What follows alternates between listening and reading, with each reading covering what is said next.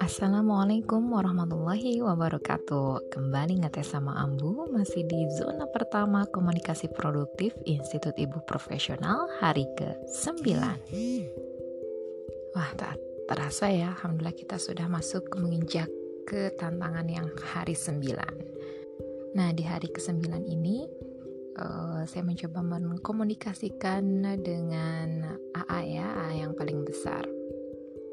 Nah ceritanya itu ketika suasana sedang hektik ya saya mencoba untuk meminta tolong kepada A untuk mengambilkan suatu barang tanpa uh, in, tanpa prolog ya langsung saja misalkan.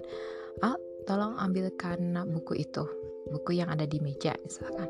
Tanpa melihat tanpa mengetahui kondisi dia seperti apa apa yang dilakukan tanpa juga ada interaksi kontak mata seperti itu juga tanpa senyum ya.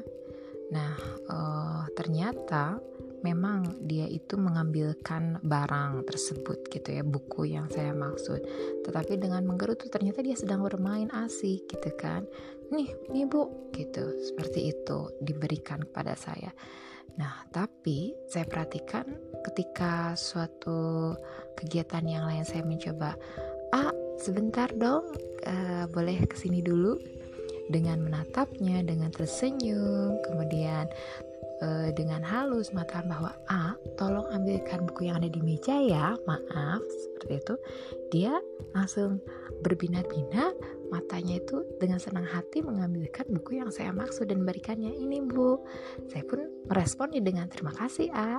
Beda dengan yang pertama gitu, ketika langsung A, ambilkan buku itu tanpa melihatnya, tanpa tahu kondisi dia seperti apa, tanpa tersenyum. Dia memberikannya memang tapi tanpa uh, dengan menggerutu gitu, dengan sesuatu yang tidak ah, mengasyikkan.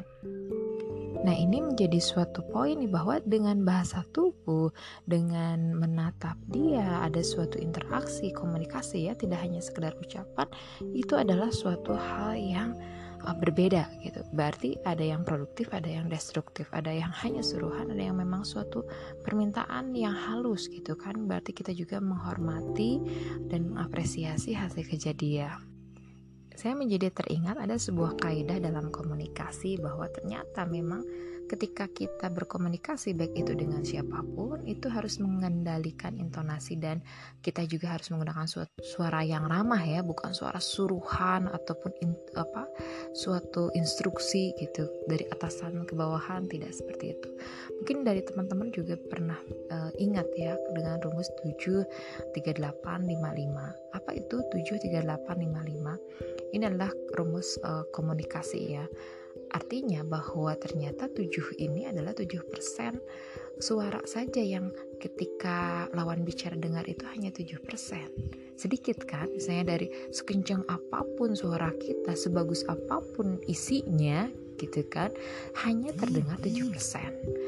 Nah, sedangkan 38-nya itu adalah intonasi suara. 38% berarti di sini suatu intonasi ramah, suara ramah bukan suara sentakan, suruhan gitu. Itu juga besar ya berpengaruhnya hampir oh, 30 40 persennya di sini 38. Dan yang paling besar setengahnya ya dari poin komunikasi yang terbesar adalah bahasa tubuh, tatapan mata, senyum gitu kan, sebuah ekspresi yang diperhatikan oleh lawan bicara itu ternyata berpengaruh besar. Jadi uh, abaikan bukan berarti mengabaikan isi ya, tapi kita juga harus menomor satukan bahasa tubuh dan intonasi. Nah, berbeda ya kondisinya ketika kita menyuruh adalah suatu kalimat yang tidak produktif dengan suatu kalimat yang produktif. Ada ada suaranya, ada apa namanya itu komunikasinya itu uh, intonasinya dan juga ada bahasa tubuh yang diperhatikan oleh lawan bicara. Nah, ini menjadi sebuah temuan ya bagi saya komunikasi dengan AA dan ini juga menjadi sebuah tantangan karena apa terkadang ketika suasana kita sedang sibuk atau suasana genting atau kadang memang kebutuhan mendesak itu kadang lupa ya lupa terhadap uh, kaidah-kaidah komunikasi tadi sehingga kadang lawan bicara itu menjadi uh, menjadi tidak enak menjadi berat untuk me, apa namanya itu memenuhi keinginan keinginan lawan bicara gitu kan nah poin komunikasinya adalah kita harus senantiasa memberikan bahasa tubuh yang positif, senyuman gitu ya, interaksi mata, kontaknya. Lalu juga kita harus senantiasa memperhatikan kaidah intonasi menggunakan suara perut ya bahwa memang kita juga respect terhadap lawan bicara.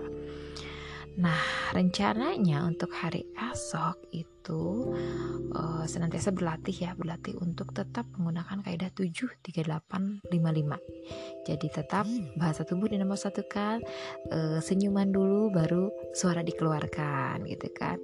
Dengan intonasi yang rendah gitu. Seperti itu. Dan jumlah bintang untuk komunikasi hari ini adalah 4.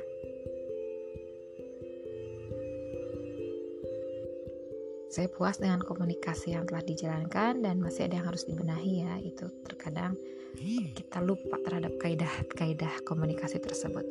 Insya Allah ke depannya kita akan belajar lagi terus belajar lagi karena di depan masih banyak tantangan kehidupan yang harus kita jalani. Terima kasih. Wassalamualaikum warahmatullahi wabarakatuh